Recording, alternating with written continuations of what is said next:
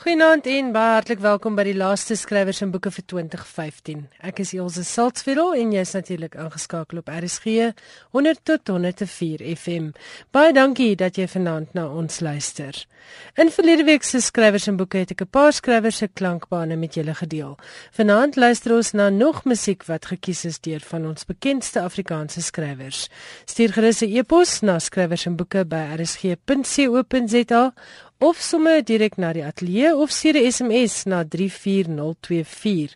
Elke SMS kos R1. Ons sal graag hoor wat julle dink van die skrywers en hulle musiekkeuses. Ons skop vanaand se program af met Bernet Bergentuin, chiclet skrywer van onder meer als oor kop en stilettos van staal.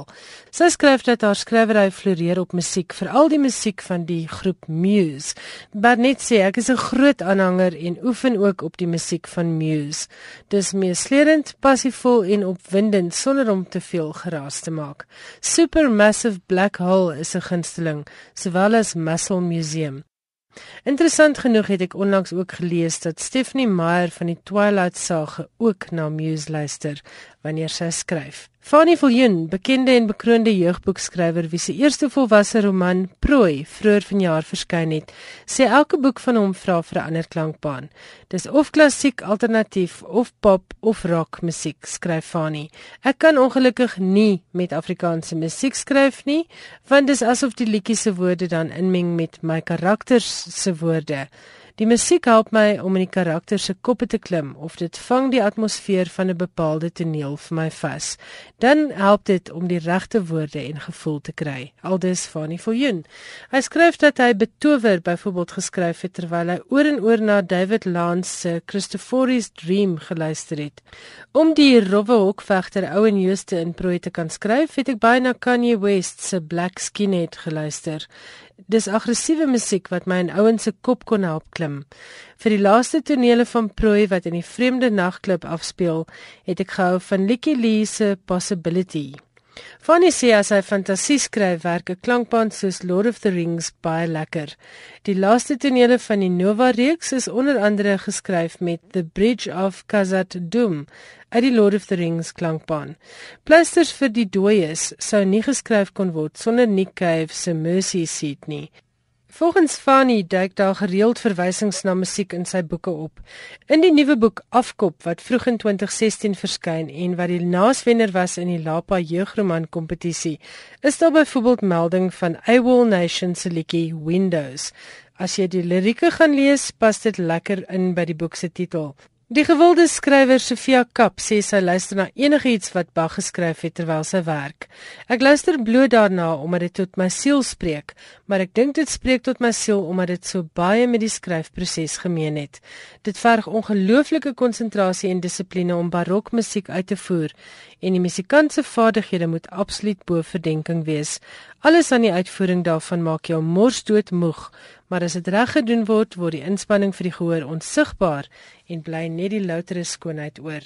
Maar skryf Sofia as sy klaar is met haar skryfdag, dan luister sy graag na Queen. Ek het so 'n week of 3 gelede met Janet Paul gepraat oor haar jongste roman Offerlam.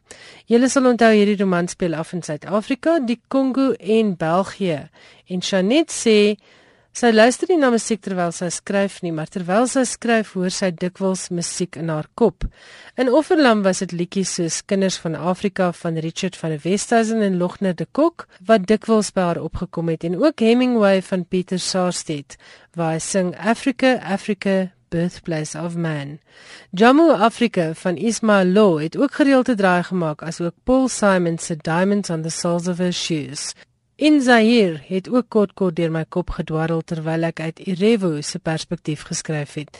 Ek het eers later uitgevind dis gesing deur Johnny Wakelin. En sies Janet later met die skryf van Offerlam het Afrika van Tata ook in haar kop bygekom. Dit skryf sy was nogal in groot teenstelling met die draaiorgelmusiek wat sy gehoor het terwyl sy saam met Cass haar karakter in Gent rondgeloop het. Jaco Jacobs, nog 'n bekroonde kinder- en jeugboekskrywer, het al meer as 100 boeke in sy loopbaan geskryf en vertaal. Jaco vertel dat sy rekenaar se iTunes 'n hele versameling gunsteling skryfmusiek bevat en hy beskryf sy musieksmaak as nogal eklekties. Jaco skryf, ek luister veral na alternatiewe musiek soos My Chemical Romance, Muse, Tori Amos, Skunk Anansi, Stereophonics en Biffy Clyro. En soms as ek in die bui is vir iets harder ook na Rammstein se industriële metal. Mense is soms verbaas om te hoor dat ek kinderboeke skryf terwyl ek na sulke rowwe, raserige musiek luister. Maar as ek na musiek luister terwyl ek skryf, is dit altyd 'n album wat ek reeds goed ken. Sodoende word die musiek, selfs al is dit hoelewaarig, 'n soort stilte wat alles anders uitsny en my help om te fokus en te konsentreer. Ek kan een of twee spesifieke gevalle onthou waar musiek my gehelp het om die gevoel van 'n boek vas te vang terwyl ek skryf. Aldus Jaco Jacobs. Hy skryf dat hy onder meer terwyl hy aan Virus 'n zombie gruwelstorie vir tieners geskryf het, 'n metalalbum met verskeie kunstenaars se musiek gekoop het en die liedjie Big Brother van 'n heel onbekende groep vir hom op daardie stadium Welkra het vierkantig in sy kop vasgesteek. Ek het oor en oor en oor en oor daarna geluister met my oorfone vol oopgedraai terwyl ek daardie boek geskryf het. Op 'n manier het die liedjie vir my die ritme en die tempo en die gevoel van die teks vasgevang en ek wou dit tot op die laaste bladsy probeer volhou. Teen die tyd dat die manuskrip klaar was, was ek natuurlik goed keelvol vir die liedjie. Ek wou ook by Jaco Jacobs weet of daar klankbane in van sy jeugromans voorkom. En hier is sy antwoord. Nie regtig 'n klankbaan nie. Die probleem is dat verwysings na veral popmusiek 'n boek nogal vinnig kan dateer. So ek probeer dit gewoonlik vermy, maar daar is uitsonderings. Toe ek Suurlemoen geskryf het, wat natuurlik intussen ook 'n fliek geword het, het ek baie gaan lees oor die soort musiek wat jong ouens inspireer om bands te begin. Nirvana, die Beatles, Counting Crows en so aan. Die hoofkarakter in Suurlemoen, Tian, is mal oor Nirvana se Smells Like Teen Spirit. Een van daardie liedjies wat verdien om vir ewig en ewig te bestaan. Ek moes ook vir Tian en sy pel Zayn se rockgroep hulle eie lirieke skryf en glo my dit was nog 'n uitdaging. Ek is glad nie musikaal nie, maar ek het soort van die liedjies in my kop gehoor. Dit was interessant toe die boek vervilm is en my lirieke professioneel getoonset is. Uiteraard was dit baie beter as wat ek dit ooit self sou kon doen. Jaco Jakob skryf dat hy in Fish and Chips weer pret gehad het om 'n musiek te kies wat by die akwarium se dolfyn vertonings pas. Liedjies soos Under the Sea uit The Little Mermaid en ook Rihanna se Umbrella. Iemand in wie se romans musiek gereeld opduik is Chris Karsten, wie se jongste roman Die verdwyning van Billy Katz onlangs verskyn het. Chris skryf uit Kanada. Ek skryf met klassieke musiek uit 'n baie uiteenlopende speellys. Ek het 'n slag teen 'n opera agtergrond probeer skryf, maar dit gou laat vaar nadat Pavarotti met die stem van een van my hoofkarakters begin wetywer het. Nou is dit weer net instrumentale musiek, byvoorbeeld Rossini se ouvertures, Paganini se vioolkonserte, Mozart se klavierkonserte en Beethoven se simfonieë. Na Paganini se gitaarsonates en Bach se Goldberg variasies kan ek elke dag luister, skryf Chris Karsten. Dis asof hierdie musiek my in 'n soort sone plaas waarin my verbeelding en my tikvingers in totale harmonie kom. Ek kies musiek om my persoonlike by te komplementeer en my ook te help om 'n sekere stemming en atmosfeer in my verhaal te vestig. In die genre waarin hy skryf, sê Chris Karsten, word spanning gedurig opgebou en verslap en musiek help hom om daardie golwende ritme en tempo te skep en selfs wanneer die pas na die einde toe begin versnel, help musiek. Maar ek kies ook musiek om my te help om die siele van sekere karakters te verstaan, veral die skurke. In sy sin van sonde het ek die moordenaar Jack leer ken aan die hand van Frans Liszt se Dante simfonie en Dante sonate.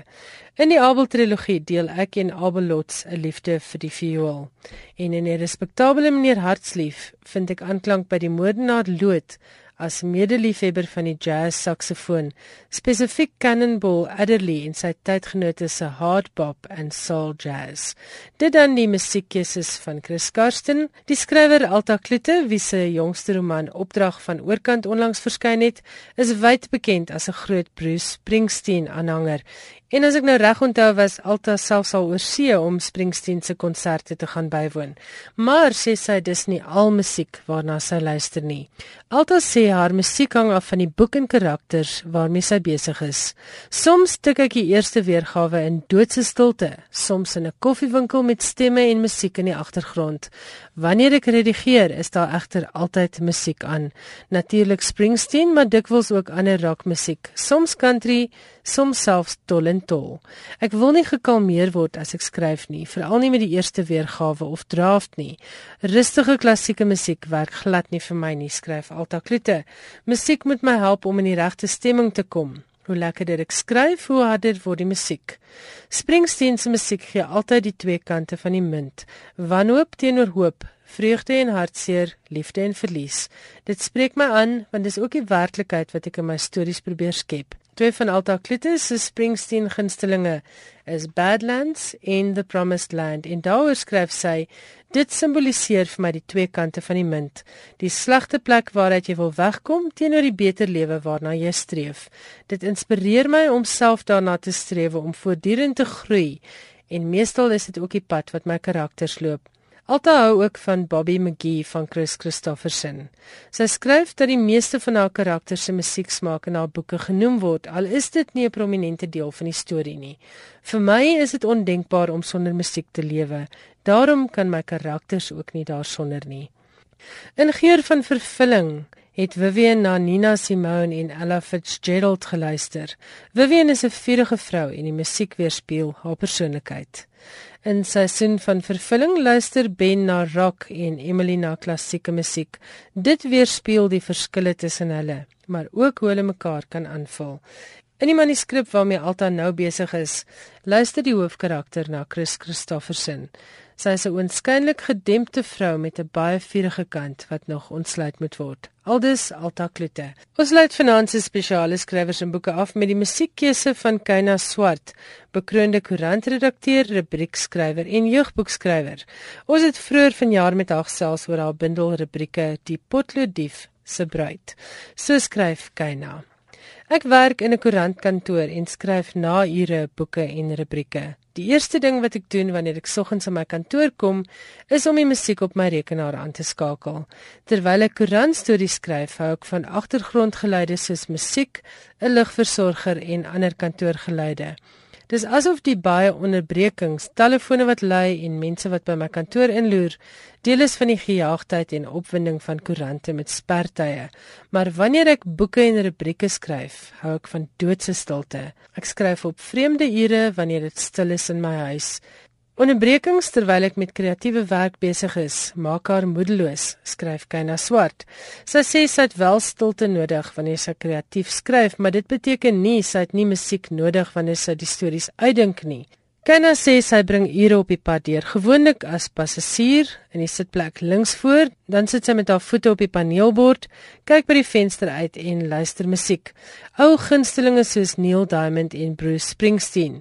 As ek na die woorde van Bruce Springsteen se musiek luister, verwonder ek my soms daaraan hoe baie hy met so min woorde kan sê. Dink maar aan liedjies soos Hungry Heart en My Hometown. Ek het al hele rubrieke geskryf wat 'n storie vertel rondom liedjies. In my bundel Die Potloodief se bruid is daar 'n hele verhaal wat gebou is om bekende volksliedjies soos Boetie se perskeblom, Ek soek na my Dina en Tantessie se witperd. Die rubriek se naam is Laat staan sulke dinge, laat staan. Daar's ook rubrieke in die bundel oor Neil Diamond, Laat nog versoeke en Justin Bieber. Ons sluit dan nou hierdie laaste skrywers en boeke van 2015 af met Neil Diamond se Beautiful Noise, soos gekies deur Keina Swart. Dis ook een van my persoonlike gunstlinge. Dit laat my dink aan kleintyd se kuiers voor die radiogram. Wie onthou nog die woord radiogram?